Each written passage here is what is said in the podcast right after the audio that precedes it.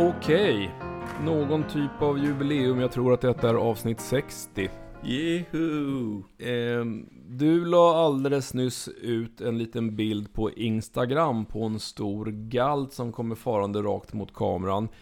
Och eh, hade en liten text till det om, om det här med arga galtar och brunst på förekommen anledning. Ja, precis. Det var kompis Rickard nere i Blekinge som i var det för, förrgår, för tre dagar sedan fick sin... Vad heter den där rasen? Cho- Chohula eller något. Det är någon amerikansk Ja, jag kommer inte ens ihåg det. Eh, drivande hund är det, men eh, jobbar lite som ställande om grisarna väljer just då. Hur som helst så fick den rejält med stryk av en galt.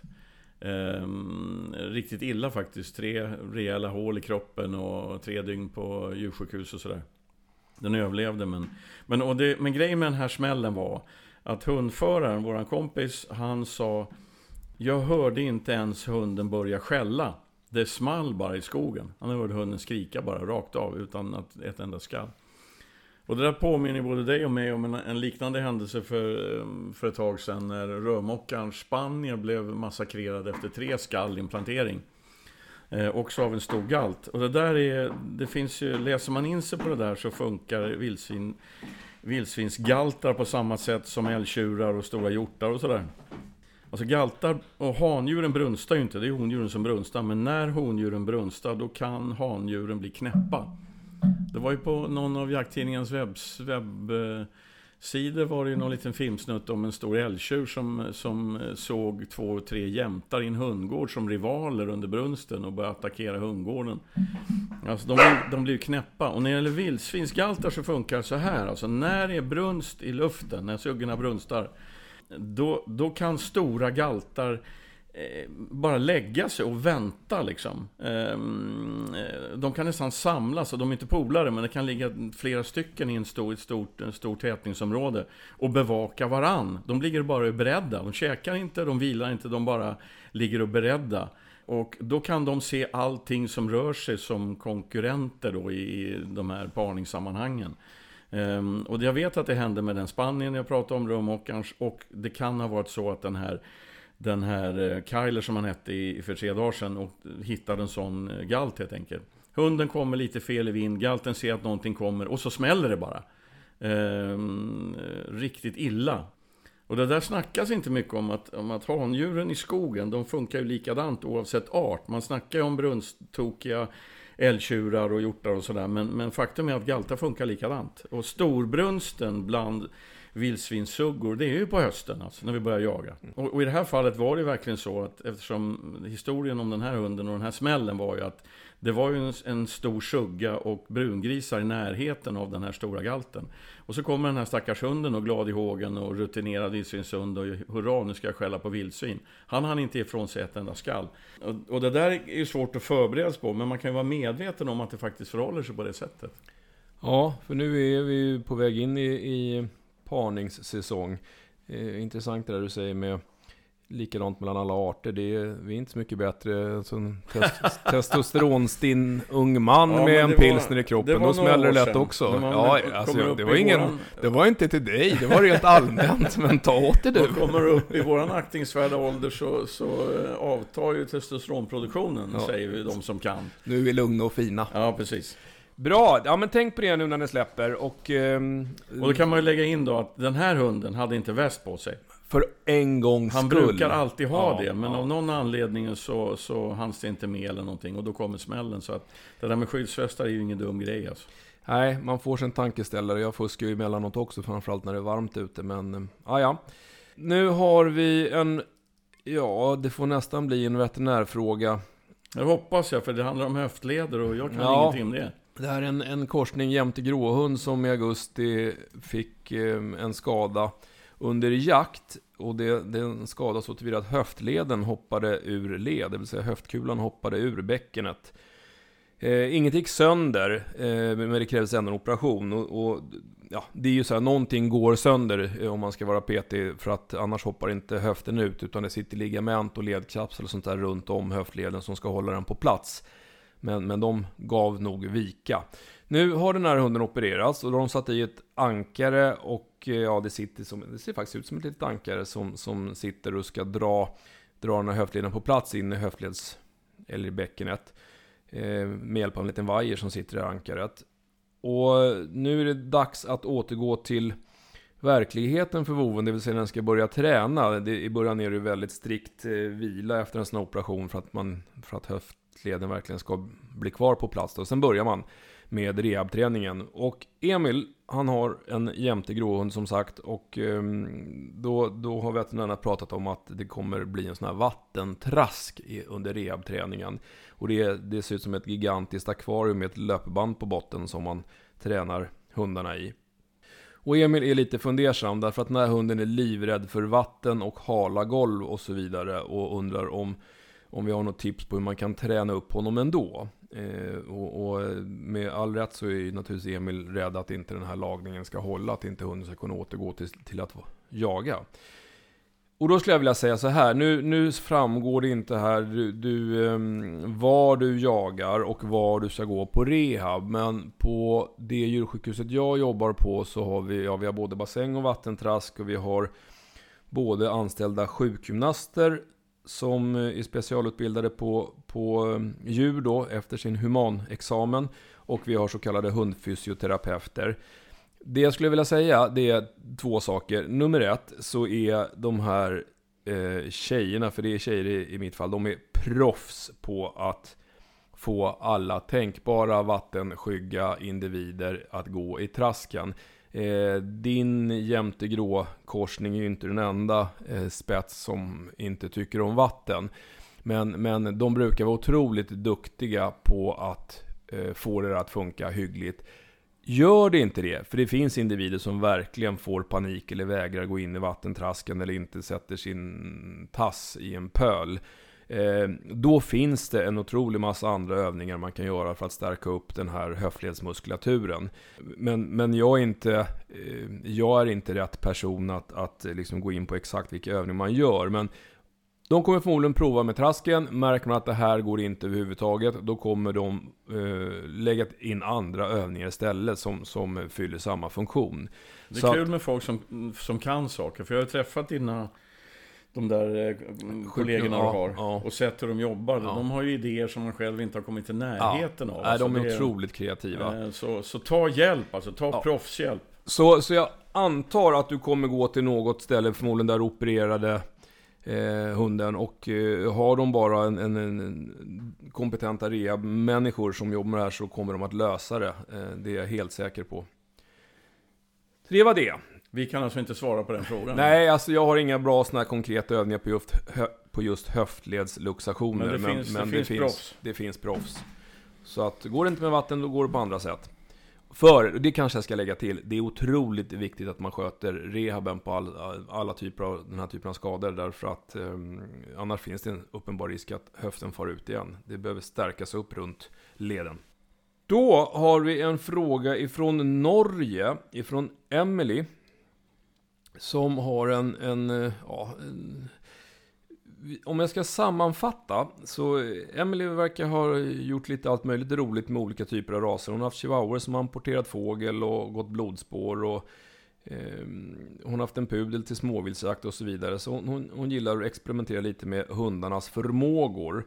Nu har Emily en fundering om man kan få en ställande hund att jobba med ståndskall på människor, alltså som räddningshund. Det vill säga att den tar sig an vind, går i, eh, går i vind och hittar folk som har sprungit bort i skogen och ställer sig och skäller ståndskall på den här. Och frågan är inte riktigt slut där, därför att Emily som jagar vill gärna ha en hund som klarar av att jaga, alltså en ställande hund som jagar, men samtidigt har förmågan då att ställa människor, om man kan uttrycka sig så. Gärna en lajka eller jämthund. Ja, och där skiter det sig då, eh, som jag ser det. För jag tror absolut att man kan få en lajka eller en jämte att funka som räddningshund, det tror jag absolut. Ehm, det tror jag. Och eh, gör man det eh, koncentrerat, mycket tålamod och envist, att man kör ID-spårning och ID-sök och så vidare i, i den typen av miljöer som det handlar om då. Ehm, ja, det är ju bara att kolla på hur brukshundsfolket gör när de tar fram räddningshundar. De tränar i rivningskåkar och allt möjligt. Ehm, det tror jag absolut går alltså. Det tror jag. Men jag tror inte att man ska, att det är lätt att få en rätt avlad jämte eller dit och lajka att på frisök i skogen välja mellan vilt och människa om man gör båda två. Det tror jag blir svårt. Det tror jag blir jättesvårt. Men, men alltså jag tycker att Emily ska skaffa sig en Laika eller en jämthund och sen köra in den som en räddningshund. Eh, och, och, så att den kunskapen verkligen sitter. Alltså vi snackar champion räddningshund. Eh, först. Och sen kolla om den jagar. Det är väl den enda möjligheten jag kan se. Ehm, I så fall. Alternativt om man får någon sån här Laika jämte som eh, Husse eller Matte vill omplacera för att den är taskig, alltså usel som jakthund. Men då får du inte både och. Alltså jag ser ju framför mig en, en, en, ett litet dilemma här. Om man, nu ska, om man nu skulle få fram en hund som klarar både och. Vad händer när man släpper den här hunden på jakt och det är fullt med passkyttar runt omkring? ja, ja, du ser. Men, men alltså det, jag tror att det är svårt att göra både och. Men jag tycker absolut hon ska testa och få fram en Laika eller en jämte som räddningshund. För det skulle vara döballt. Eh, jag har en, en liten grej som kan, li, har tangerat det lite grann. Jag jobbar ibland med polishundar. Eh, och en polis som jag har jobbat med en del och hans eh, Malinois, alltså en, den typ av hund som hjälper polisen att eh, fånga bovar kan man säga. Eh, det är alltså en hund som vars jobb är att, eh, att ta fast skurkar och så. När den hunden kommer att pensioneras om inte allt för länge då ska den här polisen som också jagar och som har jakthundar också skola om den här hunden till lös eftersökshund. För lös eftersökshund som har förmågan att väldigt, väldigt snabbt, och de här hundarna är sjukt snabba alltså, att snabbt gå i kapp till exempel ett benskjutet rådjur och eh, förkorta det här rådjurets lidande eh, är väldigt bra att ha. Och det tror jag absolut eh, funkar. Det tror jag. Ehm, men, men då är ju den hunden sjukt rutinerad på sitt jobb, den har aldrig jagat och så vidare. Och sen växlar man om så att den gör någonting annat. Det tror jag går. Men Emily, kör fram en lajkat räddningshund, det är ballt. Sen hör du av dig. Vi ska hoppa över på en eh, fråga som vi har berört tidigare, eller vi har haft den uppe tidigare, men den är ständigt aktuell, så vi tar den igen. Vaccination. Oskar har precis varit och vaccinerat sin ettåring för Kennelhosta, enligt veterinären ska detta göras årligen. Behöver man vaccinera kennelhosta varje år på en jakthund? Tilläggats eh, gör Oskar också att han ibland leker i rastgårdar med andra hundar. Men att det är bara vissa typer av kennelhosta som det går att vaccinera mot. Du har helt rätt Oskar. Så här är det. När man får sin ettårsvaccination så får man Först får man en så kallad trippel som innehåller vaccin mot de tre sjukdomar vi ska vaccinera våra hundar mot valpsjuka, parvo och eh, en leversjukdom. Sen lägger man nästan alltid i en komponent till som heter PI, som, het, som betyder parainfluensa. Parainfluensa är den vanligaste orsaken till kennelhosta och den vaccinerar man då mot. Men det som är lite knäppt egentligen, men, men det är ju så, alla vacciner har inte så lång, lång effekt som andra. Det är ju att de här, när man har tagit ettårssprutan så behöver man inte ta de här tre obligatoriska komponenterna, det behöver man inte göra förrän efter tre år. Dock så är den komponenten som är vaccin mot kennelhosta, parainfluensa, den har bara en livslängd på ett år, alltså så behöver man vaccinera om hunden mot kennelhosta efter ett år. Då tar man bara kennelhostevaccinet då årsvis. Men precis som du säger så är eh, det här inget hundraprocentigt skydd. Man kan få kennelhosta av andra mikroorganismer som vi inte kan vaccinera mot. Så det betyder att hunden kan få kennelhosta även om den är vaccinerad.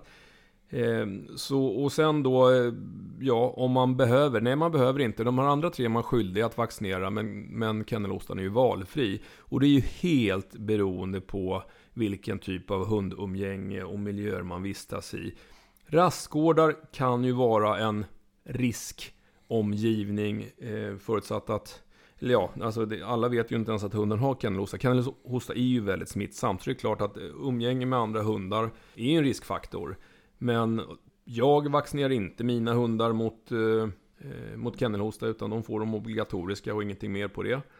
Så att, ja, Det, jag har egentligen ingen rekommendation, men det är klart, är de på dagis eller umgås väldigt mycket med, med andra hundar, okända hundar, raskor och så vidare, då skulle jag nog göra det. Det är en ganska enkel sak och det är skönt att slippa. Kennelhosta är ju normalt sett inte farligt för en frisk individ, men det, det är som kikhosta, det kan vara ganska jobbigt. Och man får ställa in hunden ett par veckor för att det är väldigt smittsamt. Hoppas det var svar på frågan. Du, det här påminner mig om att, vad fan, valpen, har jag vaccinerat, ettårsvaccinerat min unghund? Det är du som brukar göra det. Har jag gjort det? Det tror jag har missat. Det borde vi kolla. Det borde vi kolla. Ja, det får vi göra. Bra. Tack för den frågan alltså. Jaha, då ska vi hoppa till en eh, Basset. FOV. Som är, ja i det här fallet så är det egentligen två Bassetar, men, men det är bara den ena som utgör en, eller som har ett litet problem.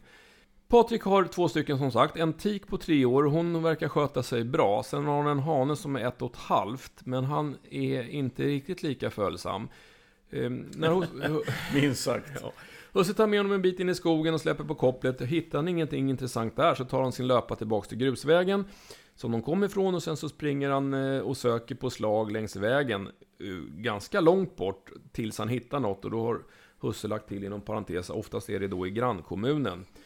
Det vill säga den här basset killen är väldigt långt bort. Och kör han tapp då när han redan är långt bort så letar han vidare på något nytt och så kör han på igen. Han kör sitt eget race och är som Husse skriver inte en lika bra kompis i skogen som tiken.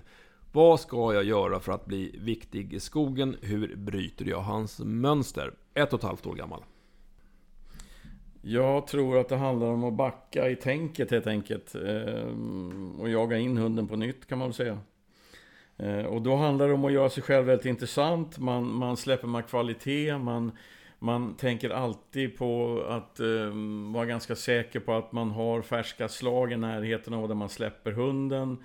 Um, man ger utan att peka och säga här har du, för då kan han ju bli lite väl kontaktbenägen. Men att, man, att hunden får belöningen nära husse kan man säga. Ehm, så. Och, och det, men det handlar också om lydnadsträning då, styrning liksom. Kalla in släpp, kalla in släpp, kalla in släpp, kalla in släpp i alla möjliga situationer så att hunden ser husse i det här fallet då eh, husses värde öka, som han vinner på att vara kontaktbenägen. För att det här med att hunden tar sitt eget slag tillbaks till vägen och sen springer iväg tills han hittar någonting att jaga, då har han ju lärt sig ett sätt att få tag på vilt att jaga. Han har hittat, eh, han har gjort det en gång och sen har, han, har det blivit en vana liksom. Det bästa sättet att få jaga är att springa längs väg. För, för vilt går ju över vägar eh, och där får han tag i någonting. Så att eh, eh försök att släppa med kvalitet helt enkelt. Och sen det här med att hunden, eh, när han väl får tag i någonting att jaga, jagar jättelänge någonstans långt bort, släpper det, kanske är på väg hem och tar upp nytt. Eh, då blir det ju fysiskt jobbigt, men en, det bästa sättet att lösa det, det är ju att hänga på, han har ju en pejl på den här hunden är klart. Alltså det, häng på i drevlöpan. Häng på bara. Ehm, gå i drevlöpan och gå snabbt gärna för då är man ju närmare hunden när den väl släpper drevdjuret. Han får tapp någonstans vid någon, mm, någon fors, bäck eller någonstans där han inte klarar av att eh, hänga på längre. Förmodligen är det här väl den typen av basset som gärna hänger på trots att han är väldigt långt efter viltet. Eh, och till slut så tröttnar de på, på de här äldre slagen då. Eh, men om man är nära den här hunden när han väl släpper det här drevdjuret, då är ju chansen större att man kan få in honom till sig innan hunden får upp något nytt att jaga. Och då, då är det ju så, klassiken där då är ju att om man då kopplar hunden där, bannar honom, kastar in honom i en bil, åker hem, slänger in honom i en hundgård och inget roligt förrän nästa lördag. Ja, då blir ju husses belöningsvärde ganska litet. Eh, så det bästa är ju då att man, att man när man väl får in honom så släpper man om honom. Eh, är det på fel mark går inte det då, men då, då, hastar man i alla fall så man släpper om hunden. Eftersom hunden, den här hunden vill ju jaga och bästa sättet att belöna hunden är att, är att ge honom jakt då. Men, men grunden i att bryta det här att han, han sticker direkt tillbaks till vägen och börjar söka där. Det är ju att, att den här hundföraren släpper med kvalitet. Det vill säga, att, och ett bra sätt att göra det då det är att kanske utnyttja den här tiken som är, som är mer styrbar och kontaktbenägen och jaga bättre. Att ehm, kan han få av tiken, tiken får upp någonting att jaga. Får han av tiken där, kopplar henne och så knallar han med den här basseten då utan att säga någonting mot den viltlöpan, superfärska löpan efter vilt. Då, då, då, har, då, då släpper man med kvalitet helt enkelt. För då, då kommer hunden börja jaga ganska nära husse då. Det vill säga husses värde ökar. Och det här, det här är ju rent, lo, tänk logiskt liksom. Hur, hur ska jag öka mitt värde? Och sen basic då, mera lydnadsträning helt enkelt. Så han får stopp, så han får in hunden. Det tar hela säsongen alltså. Det är, det är en del jobb med det där. Ja, det, han är ett och ett halvt år så att han har många år framför Ja, sig. Det är precis, värt att lägga ner precis. tiden nu. Yes, jag tycker det. Då återkommer vi till ja, de sista avsnittens vanligaste ämne. Eh, och det är för att vi får mycket kommentarer och eh, mycket eh, glada tillrop och uppmuntran för det här med Patreon. Eh, vi kör nu det näst sista avsnittet i offentlig miljö, kan man säga det? Ja, alla de här vanliga poddapparna. Och eh, vi lägger ut ett avsnitt till och sen så kommer vi köra 100% Patreon. Vi har fått otroligt mycket, vi var lite skakis för det här och det är säkert många som tycker att det här är skit. Men, men eh, vi har fått väldigt mycket kommentarer och sagt att det är självklart. Det var som någon skrev här att eh, ni delar ju med er av kunskap som ni i normala fall tar betalt för att förmedla, så det är varför inte ta betalt via Patreon och det är inga stora pengar, står det här. Så att, Ja, det är eh, lite samma. Jag är ute och föreläser och håller kurser och då, då, mm, då får jag betalt. ja, ja. Det är och lite jag, samma. Men jobbar 30, inte gratis 30 heller. spänn i månaden. 3 euro i månaden kostar det att hänga på.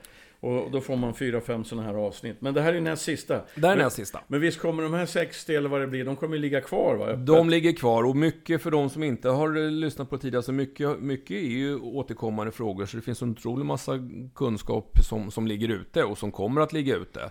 Ehm, vi hade en fråga också hur det kommer bli med filmer, var de kommer vara tillgängliga. Om det, ligger, om det ska ligga på Instagram. Instagram har ju en begränsning om, om det ska vara smidigt på en minut. Så att vi har ju en idé Eh, om att försöka producera lite film, rörlig bild helt enkelt, som har anknytning till det vi pratar om. Det kommer med stor sannolikhet att vi- lägga ut på Patreon och det är därför vi har skapat två nivåer. En 3 euro-nivå och en 6 euro-nivå. Filmerna kommer vi lägga på 6 euro-nivån. Och ett stort tack till alla er som har gått in på 6 euro-nivån och tyckt att det var väl självklart att sponsra där. För det, det, här, det är ju sponsring. Ni, ni hjälper oss att, att eh, få lite ersättning för den tid och de kostnader vi har för att göra det här. Och, och vi hoppas att jättemånga följer med över till Patreon. Det är ganska enkelt. Man går in på datorn och så går man upp i högra hörnet och så söker man jakthundar och jakt. Och så får man upp våra avsnitt och på podden funkar det likadant. Och vill man köra mobiltelefon som väl de flesta väljer så laddar man ner appen Patreon, Patreon. Eh, och sen enligt, enligt Patreon själva så tar det eh, två minuter att genomföra det som behövs för att sen kunna lyssna på oss hur mycket man vill. Ja, och då får man en månadsvis dragning från sitt konto på 30 eller 60 kronor ungefär i början på månaden. Och sen går man i och går ur när man vill. Och man kan byta nivå när man vill också. Så att, Det där med pengar är, har ju en, det har en, finns ju en annan grej där. Att, eh, dels kommer vi filma lite själva då på den här 6 euro nivån. Men jag har också snackat med en kompis som är proffsfotograf, han är filmare. Eh, och vi kommer, eh, om det blir, om vi har ekonomisk möjlighet alltså, så kommer vi att anlita honom och betala honom för att filma och klippa ihop filmer som kommer ligga på den här 6 euro nivån. Nu är det ett jävla tjat om Patreon. Ja, vi men ska det, vi det köra är för att frågan? vi får mycket kommentarer och frågor. Nu kör vi vidare på frågorna. Då har vi en anonym frågeställare. Han har varit med förut, men i det här fallet så, så vill han gärna eh, vara anonym och då får han det. Han jagar mycket med en kompis som har en, en pointer som är 6 år gammal. De jagar mycket fågel, framförallt ripa. Den här eh, sexåriga pointern är väldigt duktig på att hitta fågel och en, en fantastisk hund på många eh, sätt och vis, står det. Han har varit ganska långsökt alltid, tagit svängar på en 500 meter och även ställt sig för fågel på det avståndet, men då har de valt att inte skjuta. Men de sista gångerna de har kört med pointern så har han kört iväg en kilometer så fort de har släppt och sen så har han hållit sig liksom på det avståndet istället för att gå tillbaka och söka kontakt med, med hundförarna. Sen när de väl kommer ikapp honom och han har gjort de här racen, då verkar det som att han lugnar ner sig lite grann och det blir lite bättre avstånd. Men, men ja, frågan är egentligen, kan man på något sätt få den här pointen att komma tillbaka till rimliga nivåer? Avståndsnivåer. Ja, det tror jag. Det tror jag. Genom lydnadsträning helt enkelt. Man vänjer hunden vid att bli styrd. Eh, så. Men, men det är en annan grej här med riktigt bra pointrar eh, som jag har jagat med. De har ju en förmåga att leta reda på vind. Eh, det finns pointrar som, eh, som eh, när vinden ligger fel för, för pointerns känsliga näsa så då, ta, då reverar de som ni vet, eller, alltså man kan kalla det för sök då. Då blir söken större för de går upp och hämtar vind. Ehm, så att eh, för att får de inte vind, ja då är, då är risken jättestor att de springer förbi ripkullar som ligger två meter bort. Ehm, så att det, jag vet inte om det kan ha med det att göra, om, om delvis, om, om det är så att ni inte har tänkt riktigt på hur vinden drar. Eh, för bra stående fågelhundar lär sig med tiden att hämta vind. Ehm, och jag tycker själv då, det beror på vilka marker man jagar på, men ripjakt brukar, då brukar man ha präktigt med gott om plats. Um, och, och, om jag jagade, om jag hade en pointer som, som stod för fågel 500 meter bort, då skulle jag gå dit och skjuta. Och samtidigt träna hunden, alltså ren lydnadsträning, alltså följsamhet, eller ja, att, att den blir styrbar liksom med handtecken och annat. Eh, så. så lägg lite tid på, på lydnadsträning, styrningsträning och fundera på hur vinden drar. Backa bandet lite helt enkelt. Precis. Jag känner Peter, eh, det här är jättekonstigt. Vi har en stor brist i det här avsnittet. Vadå? Inget kaffe. Helvete! Nu tar vi en paus.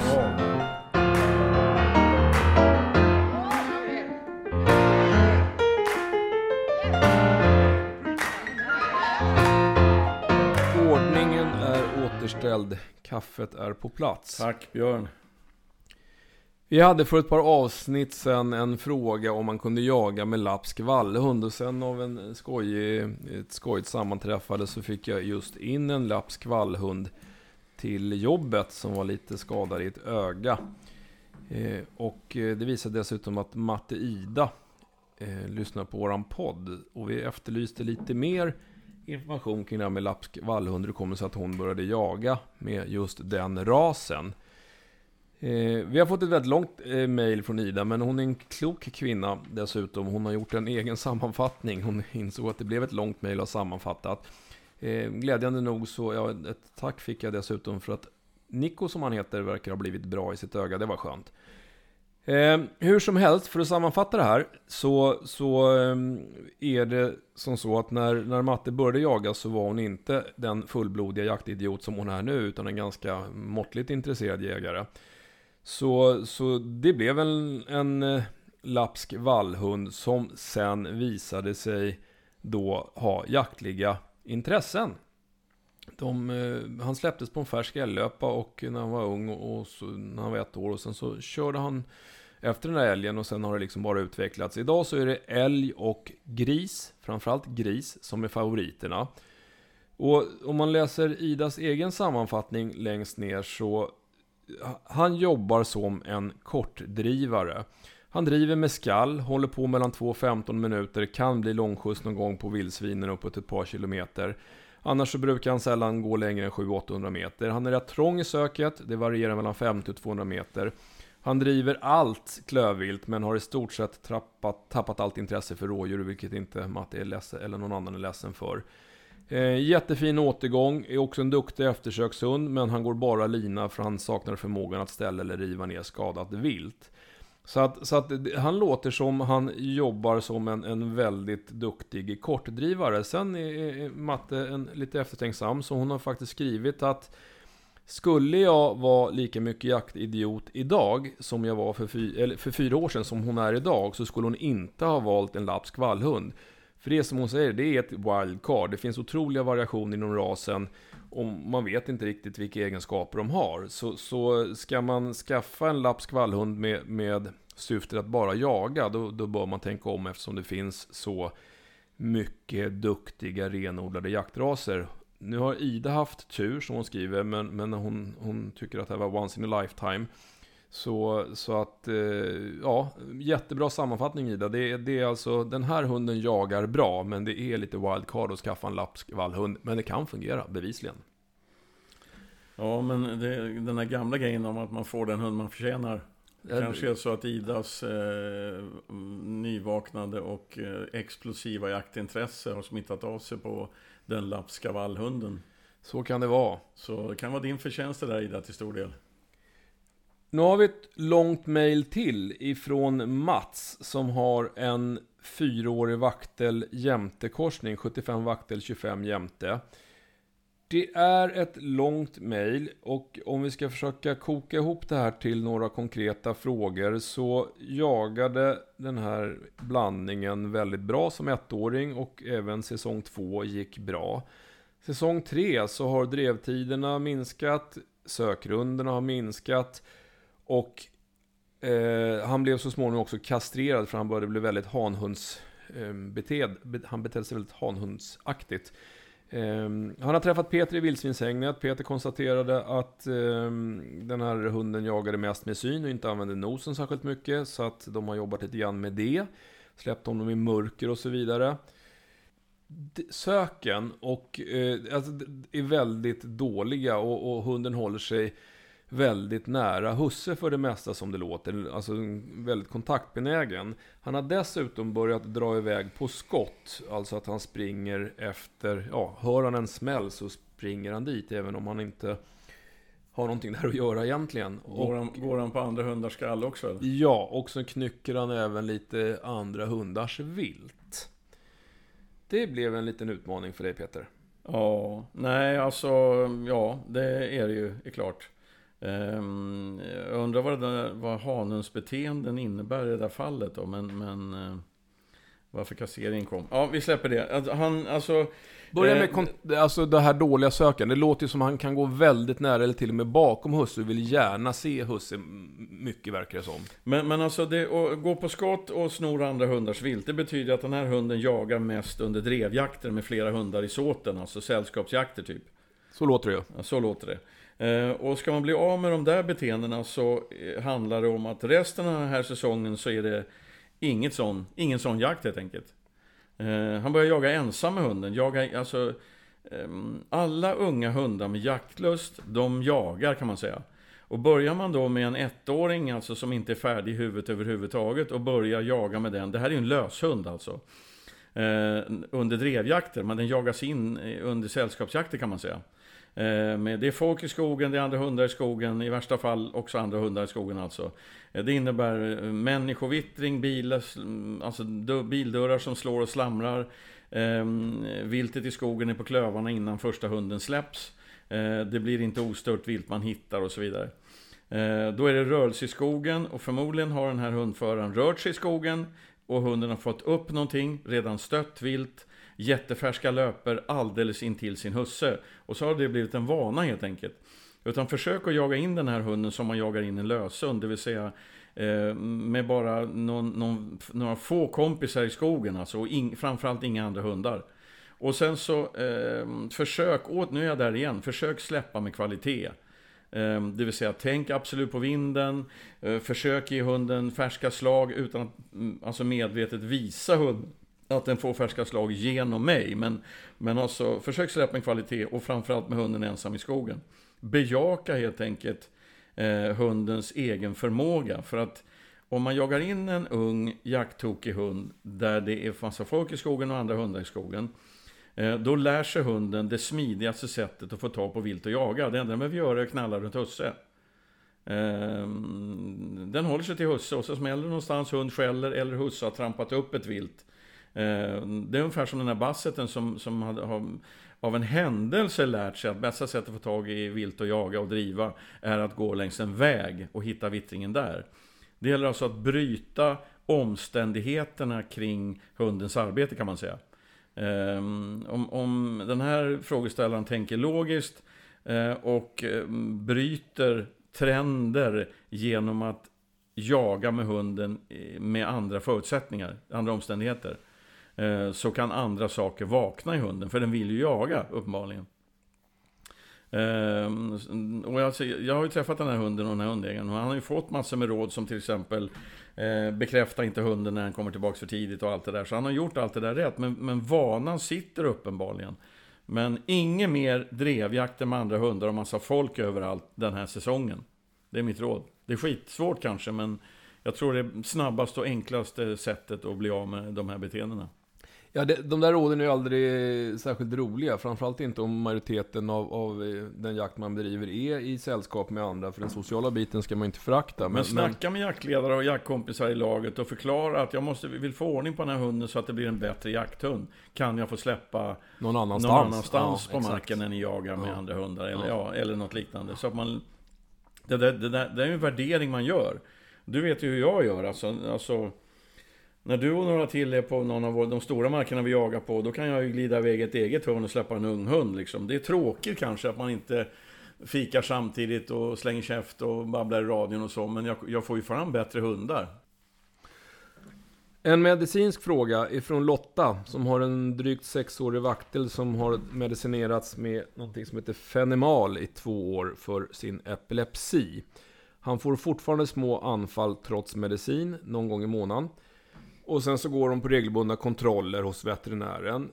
Och varenda gång, det man gör på de här kontrollerna, det är två saker man, man eh, kontrollerar. Det är ett blodprov. Man kontrollerar dels nivåerna av fenemal. Alltså för att fenemal, det man kallar för terapeutisk nivå, det är alltså, mm, ja, strunta i siffrorna, men säg att man ska ligga på ett värde mellan 80 och 200 av eh, en enhet. Då, då har fenemalet en god effekt. Och då kan man ju, ligger man över så man, riskerar man att man ger för mycket fenemal, ligger man under riskerar man att man inte får någon effekt, alltså någon krampdämpande effekt. Så så dels kollar man fenemalnivåerna för att se om man kan höja eller sänka dosen. Och sen kollar man också levervärdena. För att som de flesta mediciner så är det levern som ska bryta ner substanserna i fenemal. Och levern blir lite extra ansträngd och man kan få då försämrade levervärden. Och det är precis det som har hänt med den här vakten. Att då, när de går på sina kontroller, för varje gång de är där så blir levervärdet något sämre. Och då hamnar man i den här berömda pest eller kolera. Eh, alltså hur mycket förkortar epilepsi alternativt sämre levervärden livet för en hund? Vilket är värst? Eh, och det är ju en otroligt bra fråga. Det här är en jakthund. Han, han har fått anfall efter jakt. Eh, men, men Matte undrar om det blir värre av fysisk ansträngning eller hur man ska tänka. Och jag förstår det när de skriver att man vill ju inte ta ifrån dem jakten, för det är det, det, är det han lever för. Om vi då börjar med, med epilepsi, och det här är sannolikt det som vi kallar för en idiopatisk epilepsi, alltså en epilepsi utan känd bakomliggande orsak. Han är frisk för övrigt. De allra flesta anfallen kommer ju när hunden är som mest avslappnad. Det brukar vara tidiga morgnar eller nattetid eller någonting sånt där. Eh, så att det är inte så vanligt att de får sina kramper under fysisk ansträngning. Sen är det ju alltid, alltså det är ungefär som det här, epilepsi och diabetes är två trista sjukdomar att få på sin jakthund. Diabetes är nog ännu sämre därför att de förbrukar så mycket energi och socker när de är ute och jagar. Men, men det är klart att det finns alltid en liten oro att någonting ska hända. Att det ska komma ett anfall när han är ute på, på, på något drev någonstans. Men om jag ska försöka svara på frågan så för vad, vad gör man i det här läget då? Ja, man har ju två alternativ. Antingen så, så eh, ligger man kvar på den dosering man medicindosen han får nu med en risk att levervärdena kommer att fortsätta att försämras. Alternativt provar man att sänka dosen fenemal med en risk att kramperna kommer tätare eh, eller blir kraftigare. Det finns enstaka fall, men då tror jag inte egentligen att vi pratar om idiopatisk epilepsi där, där hundar liksom inte kommer ur sina kramper och det är klart att det är ett livshotande tillstånd. Annars är det ju ganska, allra flesta epilepsier av den här karaktären är ju relativt Alltså de är obehagliga, men, men de, är inte, de är normalt sett inte särskilt skadliga för hunden. Den brukar hålla i någonstans mellan 30 sekunder och kanske en och en halv, två minuter. Hunden är lite trött och förvirrad efteråt, men återgår ganska snabbt till det normala. Det är en belastning för kroppen när de får sina anfall, men, men det är liksom inte något livshotande. Däremot är ju leverpåverkan på sikt. Eh, alltså man klarar sig inte utan en fungerande lever, så är det ju. Nu, nu, nu har jag inga siffror på hur pass höga värden han har på, sin, på sina leverkontroller. Men, men eh, man, man kan ligga ganska högt utan att det är någon fara. Levern har en otrolig reservkapacitet. Så att, så att eh, alltså i den bästa världen så skulle man ju vilja prova att sänka dosen eh, och, och se om, om det fungerar. Man kan också Eh, komplettera, man, i, i vissa fall kan man prova att sänka dosen och komplettera med ett annat preparat som heter kaliumbromid. Och eh, för, för, att de två, man brukar säga att 1 plus 1 blir 3, de två förstärker liksom effekten så man kan ligga lite lägre på fenomaldosen. Men, men eh, ja, alltså det, Lotta, det, det, är en jättebra fråga och det är nästan omöjligt att, att ge ett bra svar. Men, men man skulle definitivt inte vilja höja dosen fenomal utan kanske titta på några andra alternativ. Det är nog det man kan säga att ja, det är en tråkig sjukdom på, på alla hundar men, men Framförallt kanske på en jakthund. Vad skulle du ha gjort då om du var i samma situation? Ja, jag har ju haft en vaktel med epilepsi. Eh, han hade så pass glesa anfall så jag valde att inte medicinera honom överhuvudtaget utan vi tog anfallen när de kom. Eh, ganska fascinerande, en liten utvikning men, men han Eh, Eh, han blev ju gammal, men, men han kände ju på sig, eh, jag har aldrig hundarna i sängen, men, men när han fick sina anfall så tog jag faktiskt upp honom i sängen för att han skulle få lite närhet och trygghet och inte slå sig mot någonting när han krampade. Eh, någon natt vaknade jag av att han hoppade upp i sängen och blev ju omedelbums förbannad vad han hade i sängen att göra. Och sen gick det ett par minuter, sen fick han sitt anfall. Så han kände att det där var på gång. Så att efter så, så det hände någon gång eh, var tredje, fjärde månad att han hoppade upp i sängen och visste att nu kommer anfall. Det är ganska men, häftigt. Men för det var precis det, jag hade en fråga där. Alltså vad gör man Eh, jag har ingen aning om hur jag ska bära mig åt om, om en hund plötsligt framför mig får ett epilepsianfall. Hur, vad gör jag då? Nej, alltså det, det, man, det är inte det här med att hund, människor kan ju svälja sin tunga om man ska försöka hålla öppna eh, luftvägar och sånt där. Det har jag aldrig hört talas om på hund. Utan det man får göra, har de riktigt såna här ehm, klust, alltså kramper, eh, så hela kroppen spritter och skakar. Det är ju bara att se till att de ligger på golvet på något mjukt underlag så att de inte kan slå i någonting. Eh, så att de inte skadar sig? Ja, precis. Och eh, de är ju sällan särskilt medvetna om att du är närvarande under själva krampanfallet. Men så fort det släpper så, så återgår de ganska snabbt till normala. Så att se till att de inte skadar sig ytterligare helt enkelt. Okej. Okay. Apropå skada så har vi inte pratat någonting idag om att jag är ledsen. Nej, det är jag också för jag har ingen jaktkompis. Nej, fan. Jag skulle varit i Värmland och jagat älg nu men eh, jag slet av en, ett muskelfäste i låret. När du skulle ta av dig stövlarna, ja, det var inte så det manligt. började då, men sen blev det inte bättre. För två dagar senare var jag ute med dig i skogen och jagade och, vi, och det var fullt jävla ståndskall och jag sprang som en idiot. Det var inte bra. Eh, då blev det väldigt mycket värre. Eh, så att, eh, bara så ni vet det, Hundsverige, att det är fruktansvärt synd om mig nu och ett antal dagar framåt. Jag vill bara få med det i den här podden så att det inte är någon tvekan om det. Okej, du fick med det. Då ska du få svara på en fråga som kompensation. Det är, det är en gråhundstik som är fyra år, en omplacering. Förra ägaren sålde henne just för att eh, jaktlusten inte motsvarade kraven. Den nuvarande ägaren, Joakim, han tycker att det största problemet verkar vara att hon inte vill skälla. Eh, något enstaka skall är upptaget. Det sägs att det har skjutits älg för henne tidigare, men inte på stånd. Och frågan är enkelt, hur får man en grån att börja skälla älg? Finns det något han kan göra? Han har funderat på att släppa henne med en erfaren grånshane som skäller efter konstens alla regler. Men är lite orolig att hon då kanske börjar söka upp ståndskall i skogen. Fyraårig grön, alltså det eh, är en omplacering och han vet inte vad som har hänt innan. Förmodligen är den här hunden otroligt orutinerad. Eh, det brukar bli så med omplaceringar. Kommer du ihåg Kajsa, grunden jag tog över? Ehm, och dessutom, eller Udda, för att inte tala om den grunden jag tog över. Den var ju tre, hon var ju tre år, hon hade ju inte fått jaga överhuvudtaget. Eh, fullvuxen, mentalt stabil, allting. Henne fick man ju jaga in alltså eh, långt upp i vuxen ålder. Så förmodligen är den här, den här gråhunden eh, beter sig som en unghund. Hittar älg, eller ja, om det är vildsvin också, men hittar älg, eh, förföljer älg, står med älg, jobbar på ståndet, men skallet kommer inte. Det är den pusselbiten i skallen som inte har ramlat ner. Så att eh, ju mer eh, det jagas med den här gråhunden, desto snabbare kommer gråhunden börja skälla igen. Det finns en genväg och det är att man lägger tryck på hunden. Eh, åk med den här gråhunden till ett hägn. Eh, så fort hunden ser älgen i hängnet, då lägger man lite tryck, det vill säga drar hunden bakåt i lina. Man lägger tryck alltså, för drar man en hund bakåt, Björn, vad vill den då? Framåt! Yes, då, då stressar man hunden lite grann. Och då brukar skallet komma, och så fort skallet kommer, då ger man lite efter. Och så håller man på sådär och juckar med den här linan fram och tillbaks eh, tills grånen börjar skälla ordentligt. Eh, det har jag gjort ett antal gånger och ibland funkar, ibland funkar inte, men det är värt att prova. Sen är det en grej till här, och då är bollen din här. Därför att Frågan till den här frågeställaren är eh, Skäller gråhunden överhuvudtaget? Eh, är det så att den står i hundgård och gafflar som fan så vi vet att skallet finns? För det kan också vara ett medicinskt problem.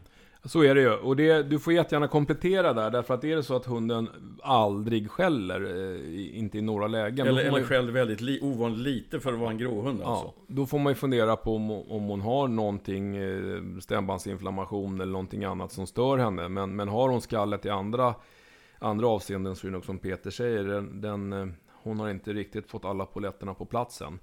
Och eh, då kan man testa det. Va, vad tror du om det här att släppa henne med en rutinerad gråhundshane som skäller efter konstant alla Ja, regler? det är sista, det är i för sig, i så fall är det sista utvägen. Det Ja. skulle, jag skulle inte börja med det.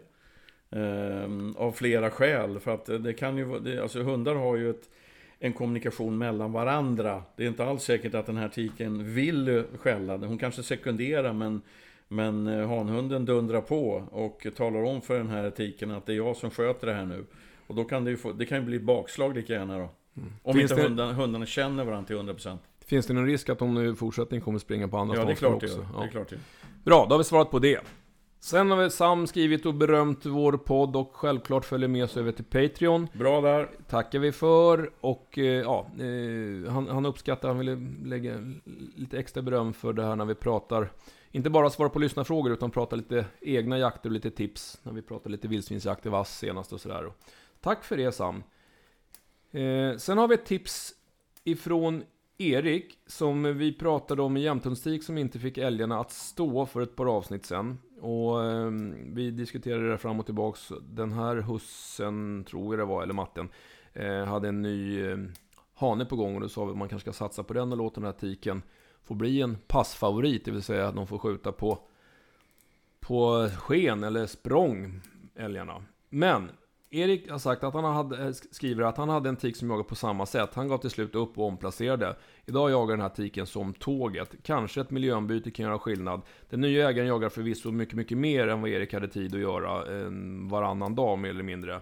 Som säkert bidrar. Och det är lite grann det du sa nyss Peter. Alltså, mm, jaga mycket så kommer ofta Och sen bilarna det på där med plats. omplaceringar, alltså, eller låna ut en hund som inte funkar hundra. Det, det, det ska man absolut ha i åtanke om man har den här typen av problem. Alltså, alltså, jakt, i jakten som inte går att lösa, eller man känner att man själv inte kan lösa det. Därför att min erfarenhet är att om man tar en omplacering eller tar över någon annans hund under en bestämd tidsperiod, som låt oss säga tre månader. Eh, det som händer med en vuxen hund som kommer till en hundraprocentig ny miljö, nya omständigheter, nya regler och så vidare. Den regrerar nästan, alltså den blir nästan, ja den går tillbaks i ålder i huvudet kan man säga, för att överleva i den här nya miljön. Och anpassa sig för, för att överleva. Ehm, ehm och, och då kan man få fram helt andra beteenden hos hunden. Det, det kan väcka hunden alltså, den kan förändra sig. Det, de som jag har tagit, ett antal omplaceringar genom året, eh, de tidigare ägare som har träffat de här hundarna efter att jag haft dem ett, eh, en period, en tid, säger det kan inte vara samma hund. Alltså den beter sig annorlunda även i vardagssituationer. Så att, eh, att låna ut en hund till någon som jagar jättemycket, om hunden har problem i jakten, det är ingen dum idé. Alltså, jag vet att det låter långsökt om man gillar sin hund och man vill inte att någon annan ska ta ansvar för den och allting. Det där. Men, men det är ett bra sätt att se om man på det sättet kan ändra beteenden i jakten. Helt klart. Då ska vi ta en fråga igen om en gråvaktel. Den här eh kommer från Norge. Och eh, Mårten tackar för en bra podd. Han undrar också lite grann, eh, han är med över på Patreon. Och så undrar lite grann om det här med hur filmerna kommer att distribueras. Och det vi sa, vi kommer lägga väl små filmsnuttar ibland på, på Instagram. Men de längre filmerna som vi har som ambition att producera kommer ju ligga på Patreon. Eh, Mårten har också en fråga. Eh, och i, i, I Norge så är ju inte vaktel någon eh, jättevanlig ras. Och de har ett, regelverk där som, som säger bland annat tydligen att eh, rådjur som jagas längre än fem minuter, då får inte hundarna en mankhöjd som är mer än 41 cm. Det var petigt. Ja, men det är samma i Finland. De har också mankhöjdsbestämmelser på rådjurshundar.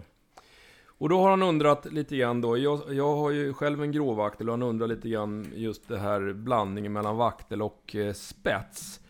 Ehm, hur, hur, ja, hur stor är skillnaden mellan liksom antingen det ena eller det andra och hur får man den, hur får man att jaga som en ställande hund? Vi har sagt att det kräver ganska mycket jobb.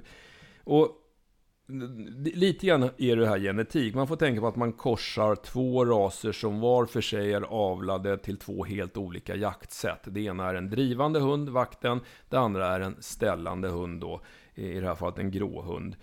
Eh, och, och, som alla andra gener, alltså, det, man kan, någon, någon kan ju dominera. Och eh, vi har ju i vårt jaktlag en gråvaktel som har precis samma genetiska fördelning 50-50 som min. Men den jagar som en vaktel. Ja. Eh, och, och, det ska man ju vara medveten om. Och det här med att det är mycket jobb, det, då är det ju det som Peter har pratat om många gånger, alltså rent generellt när det gäller injagning av hundar.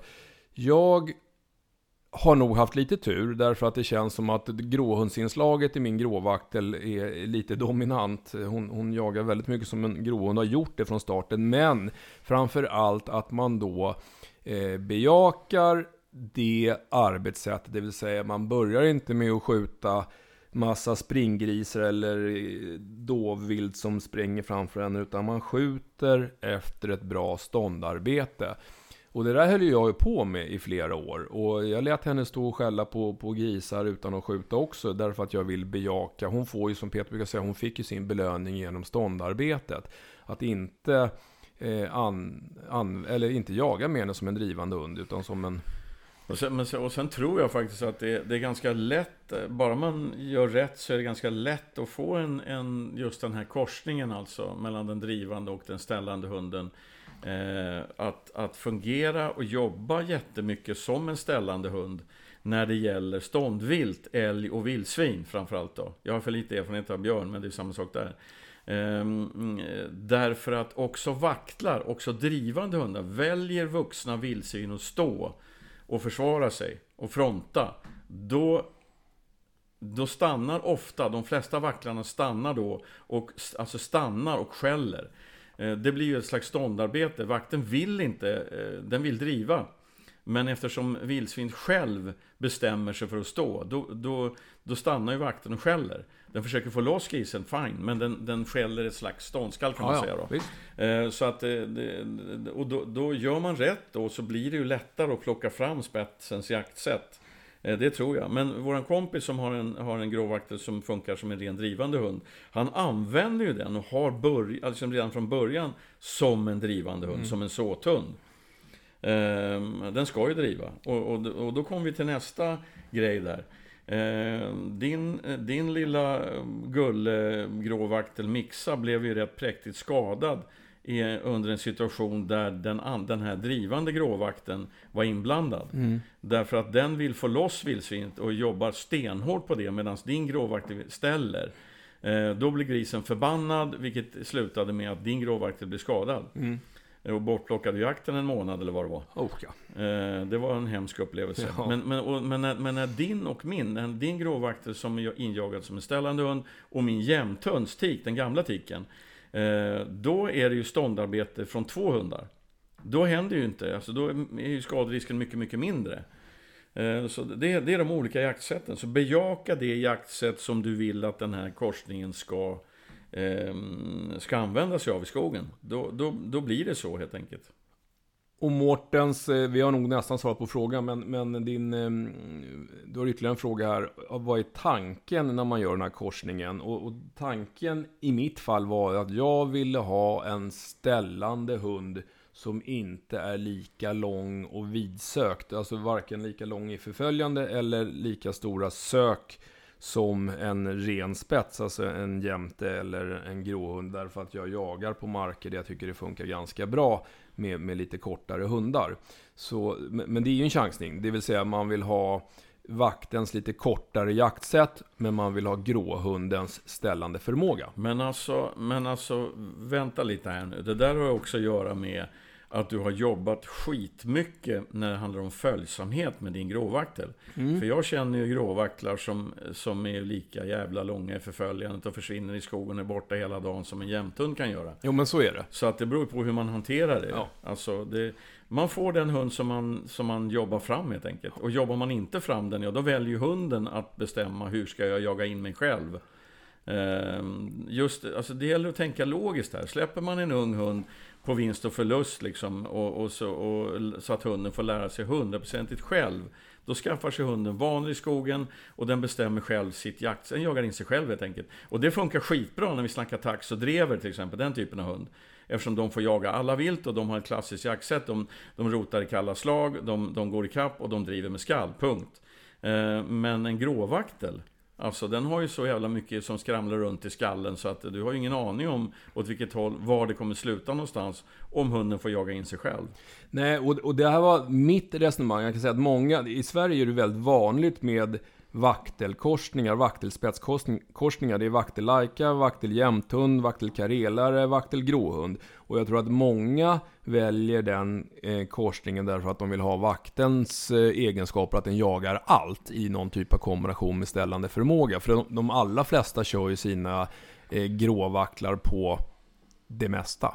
Ja, men så är det ju. Och sen eh, kan det ha, de är rätt så populära korsningar, kan det ha att göra med att de är billigare också? Ja, men så är det. Jag fick bara halva priset mot en renrasig. Ja, så kan det vara. Eh, vi har en fråga om en Gonski Polski-valp som eh, är sex månader. En hane. Tanken är att den här ska jaga vildsvin. Husse Robin har kört mycket spårträning med vildsvinsklövar och mycket grundlydnad. Nu har han en eh, till och med dedikerad fråga till Peter. Vad tycker du att man behöver lägga mest tid på när det gäller träningen av valp? Och då vill Robin ha konkreta tips vad man kan göra i den här dagliga verksamheten. Eh, enkla övningar att göra i skogen eller under promenaden och så vidare. Och sen så kommer det en vidare fråga. Den här hunden har fått vara väldigt mycket lös. Nu har han sex månader så nu börjar det hända saker. Eh, så att eh, vid ett par promenader har han dragit iväg och börjat jaga för fullt med skall. Till slut fick Husse in honom, men han vill inte riskera att han springer in i en sur gris och blir skrämd. De har mycket gris i närheten. Och, och då är funderingen, ska jag fortsätta ha honom lös och jobba med följsamheten? Eh, eller ska jag ha honom kopplad nu när han börjar bli lite mer självständig? Eh, Okej. Vi börjar med eh, daglig träning av en valp. Vad ska man lägga mycket tid på? Ja, det här är en Gonski Polski. Det är en drivande hund. Den ska gå på slag, vilket innebär att det bästa sättet eller alltså det bästa att lägga mycket tid på alla möjliga små och stora eh, nosarbeten. Alltså allt möjligt som har med nosarbete att göra. Eh, så att den här valpen eh, i första hand lär sig att använda näsan när den letar efter vilt. Ehm, det skulle jag göra. Och då menar jag inte att man ska lägga viltspår varje dag, men, men alltså allt som har med näsan att göra. Släng ut eh, hundmaten, den får hitta den själv. Hunden får spåra någon av familjens ungar som springer iväg i skogen. Lägg en, ett märgben, eh, visa hunden ett märgben, spring in i skogen med hunden kvar på platsen, lyft på en um, bit mossa och lägg märgbenet under, tryck till med mossan och sen släpper hunden, den får hitta den själv. Alltså allting som har med nosarbete att göra för att hunden ska inse vad, vad den kan använda näsan till. Det, det är det första jag skulle göra när det gäller en drivande hund då, i den åldern. Eh, och sen så, sen så det här med skogsvana. Ehm, skogsvana är just det som ordet innebär, nämligen vana att röra sig i skog. Skogsvana handlar ju om att hunden, man inte ska gå med en hund på, på, eh, under hundens första levnadsår på en platt och väl arronderad eller mjuk fin eh, motionsslinga enbart. Utan hunden måste använda hela kroppen. Det är också det bästa sättet att träna en ung hund fysiskt ju att den, att den eh, får jobba i obanad terräng, alltså gärna oländig terräng också. Eh, för att den ska lära sig använda kroppen, träna alla kroppens små muskler och så vidare. Då kommer hunden att hålla bättre när den blir vuxen sen och jaga för fullt. Eh, ska han ha valpen lös? Mm, ja, alltså det är klart att det är inte bra att ha en sex månaders skånski polski vind för våg lös om det ligger vildsvin överallt. Därför att den här hunden är ju sex månader. Den, man kan lägga till att min, min erfarenhet är att generellt så mognar den här rasen sent, mentalt alltså. Den tar tid på sig innan den blir vuxen. Vilket innebär att jaktlust och lekglädje kan göra att den, att den kastar sig över en förbannad gris i tron om att det här fixar jag. Och det gör den inte. Så det är väl bra att han är skraj för det. Men leta då reda på ställen där det inte finns gris. Eh, det finns vildsvin i södra Sverige, men inte överallt. Eh, så, så mm, ha valpen lös och låt den söka och låt den vara självständig och så vidare. Där man tror att det är väldigt lite vilt. Alltså man vinner ju på att jaga in en, en drivande hund på, på viltfattiga eh, marker. Så att den inte, så att den, ja. Så den lär sig att den måste dra iväg en bit eh, för att, för att hitta rätt. Då. Ehm, men det är svårt att säga mer eftersom varje hund är en individ. Va? Hur funkar den här valpen i huvudet? Ehm, det är svårt. Men mitt råd är att om den här sex månaders Gonski Polskin som den uppenbart har gjort. Den drar iväg från husse och börjar jaga som en idiot. Fullt drev i skogen. Ehm, eh, ja, då kanske man måste jobba med lydnad. Lägga väldigt mycket tid på lydnadsträning så att han kan styra den här hunden. För att om den har sån jaktlust och sån självständighet när den är sex månader då är ju risken relativt stor att om den inte åker på stryk eller blir rädd för någonting i skogen att det här kommer bli en Gonski Polski som, som driver vilt i nio timmar och det kommer han inte vilja. Så mm, nummer ett, massor med nosarbete. Nummer två, skogsvana där det är ont om vilt. Eh, och nummer tre, lydnadsträning. Lydnadsträning är kul liksom för en ung hund, så satsa på det. Korta pass bara. Sen kan jag lägga till av alldeles nybliven egen erfarenhet, eller har varit med om det förut visserligen, men vi, vi säger ganska ofta, eller framförallt Peter i det här med allehanda typer av problem, att man får backa bandet. Det vill säga man får gå tillbaks några steg i sin träning eller utbildning därför att hundarna går igenom en massa faser i livet. Jag har haft min valp ganska mycket lös eh, och hon är alltid lös på tomten. Eh, men nu. Hon väljer själv att vara lös. Det var ju bara i förrgår som hon ja, det var det jag slet, slet sig med femmeterskopplet och drev rådjur som en idiot. Ja, så nu har hon kommit i en fas då hon börjar bli väldigt mycket mer självständig. Nu har hon tydligen också kommit på hur man hoppar över staketet i trädgården. För här om natten så talade hon om att hon ville gå ut och pinkas. Vi släppte ut henne. Men hon kom inte tillbaka. Det är en bra vaktel. Efter en kvart så, så, jag var ute och lös med ficklampan men eh, kan inte gå runt och skrika i grannskapet mitt i natten. Men efter en kvart, 20 minuter då stod hon på framsidan med en död fågel i munnen. eh, vilket inte var så uppskattat. Men, men, eh, nej, men och då, nu känner jag att nu, kan inte, nu, har hon, nu går hon med lina på tomten. Nu får jag liksom backa. Nu måste jag jobba mer med lydnaden och följsamheten innan det är dags att testa igen. Då. Så, att, så att det går lite upp och ner. Det är klokt, annars blir det bråk. Ja. Annars blir man en tråkig och bara skriker nej till hunden och kom tillbaka. Så du får inte och sådär. Av den anledningen är det också bra att backa bandet och ha kontroll på hunden. Oskar har eh, tagit till sig det här tipset om att man kan vätska upp hunden innan jakt med en näve färs plus vatten. Och han har, han har skrivit här då att när man eh, styckar upp sitt vilt så skär man bort ganska mycket ytligt fett och oaptitliga rester som det i och för sig inte är något fel på. Eh, det här bör ju vara perfekt att mala och ge hunden som energiboost kvällen innan jakt istället för att köpa dyr färs på ICA. Det är nu man ska säga att det finns många andra butiker. Ja, eh, men det där är smart. Det ja, smart. men hans fråga är, är det lämpligt att ge rå vildsvinsfärs till sin hund? Självklart förutsatt att det är trikintestat. Eller bör färsen tillagas innan hunden får den? Och då är det så här just med vildsvinsfärs, eller ja, ja, framförallt med vildsvinsfärs, att trikintest anser jag vara en självklarhet. Eh, få trikiner i sina egna muskler är inte något som någon vill ha. Eh, det går ju över till människor. Men det är ju tyvärr inte som så att det bara är trikiner som den här vildsvinsfärsen kan innehålla. Det, det förekommer ju med jämna mellanrum att man läser att, ja, framförallt importerat fläskkött, men även ibland svenskt fläskkött innehåller salmonella. Så är det även med vildsvin. De kan innehålla både salmonellabakterier och dessutom kom det nyligen studie från en kurskamrat till mig från veterinärutbildningen om att de har dessutom ganska mycket bakterier av en typ som heter Yersinia. Eh, salmonella är också en så kallad zoonos, det vill säga käkar vi salmonella så får vi också salmonella. Och då är det som så att salmonella klarar sig i frysen, så även om färsen har varit fryst så kan den överleva salmonellan. Dock så klarar den inte upphettning till över 70 grader. Så om man ska vara lite mm, petig här nu då, eh, och då är jag som vanligt skomakarens barn, så mina hundar äter rå vildsvinsfärs emellanåt när jag står och styckar. Men ska man vara lite petig så finns det då en risk att hunden kan få salmonella om den äter rått vildsvinskött. Eller Yersinia som också dör vid 70 grader för övrigt. Eh, så ur det perspektivet så bör man ju fräsa upp den. Sen är det ju så att jag tycker inte, om man nu ska du la ut en annan bild på din frus eminenta matlagning på Instagram. Men mm. jag kan inte mycket om matlagning, men, men jag vill inte ha mitt vildsvinskött stekt till 70 grader. Så att jag äter... Nej, alltså det, då blir det torrt och tråkigt. Ja. Men, men det är, nu, läs, nu är det liksom by, den här tråkiga by the book. Så är det. Mm. Yes. Man eh. kan, ju, man kan ju, jag brukar inte, jag är lat så att jag köper en dunk med rapsolja ja, och har på bilen. Mm och häller i vattnet. Eh, då dricker hundarna som fan. Fett gillar de. Vi ska börja avrunda. Vi ska bara en liten... Eh, Dennis eh, skickade in en fråga tidigare i höstas. Han hade en blandras drever, tysk terrier jämte och Hamilton som, som hade en fråga kring som vi tyckte lät som en spännande korsning. Så vi bad Dennis skicka en bild. Det har han gjort. Den kommer vi lägga ut på Instagram.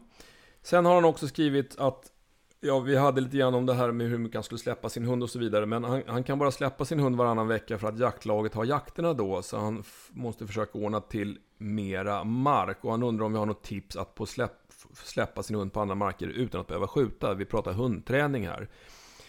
Jag har inga sådana här självklara, jag vet inte riktigt var du bor, men, men alltså går man in på sådana här jägarforum på Facebook eller någonting sånt där och säger att jag har en hund som jag bara vill träna, jag vill inte skjuta någonting, finns det någon möjlighet att låna mark så kan jag tänka mig att du kan få några svar, men Ja, det, är- det, det, alltså det är en lång väg liksom. Det, det har ju tagit ganska många år att få jaga lika mycket som vi gör på en Mm. massa marker Mm. runt omkring. Men man vinner på att inte ge upp. Man vinner på att- leta reda på folk på Facebook eller jägarkretsar eller eh, överhuvudtaget bara höra av sig och ställa frågan. Eh, faktiskt. Det, det tror jag. Man måste, man måste vara lite envis. Man måste ha tålamod när man ska hitta nya marker. Ungefär som när man jagar in en unghund skulle jag säga.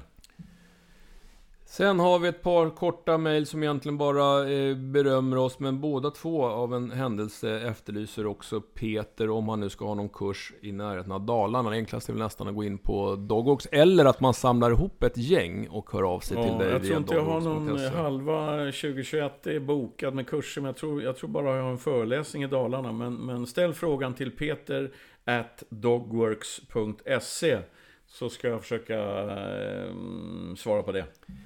Idag hann vi inte prata så mycket egen jakt, men vi släpper ut ett avsnitt till som ligger på alla öppna poddar. Därefter kör vi Patreon på heltid. Och det är ju ballt, för det är, alltså, tack alla. Det har börjat ticka in folk till Patreon. Det är, det är, det var, det är en ren chansning det där, men eftersom vi vill undvika för mycket reklamprat och grejer för att få ekonomi i det här så är vi oerhört tacksamma. Tack!